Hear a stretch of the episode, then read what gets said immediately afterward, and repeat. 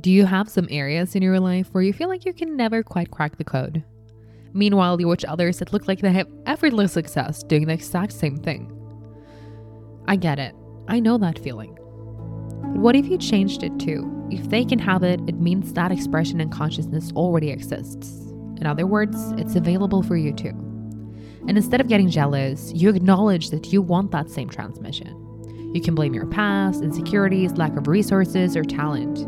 Or you can get radically honest and start doing the work. No matter your starting point. Yes, your journey might be longer and harder than others, but that's exactly what's going to make you such a great experimenter in life. What would it look like to live your life as if your nervous system was already set in that new reality right now? What if instead of looking at every other person out there in order to find your potential, you started self sourcing from the blueprint of that divine genius that lives within you?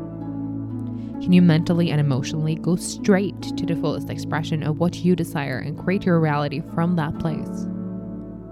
I think you can. And I think you should. That's true manifestation, my friend. And it all starts with you.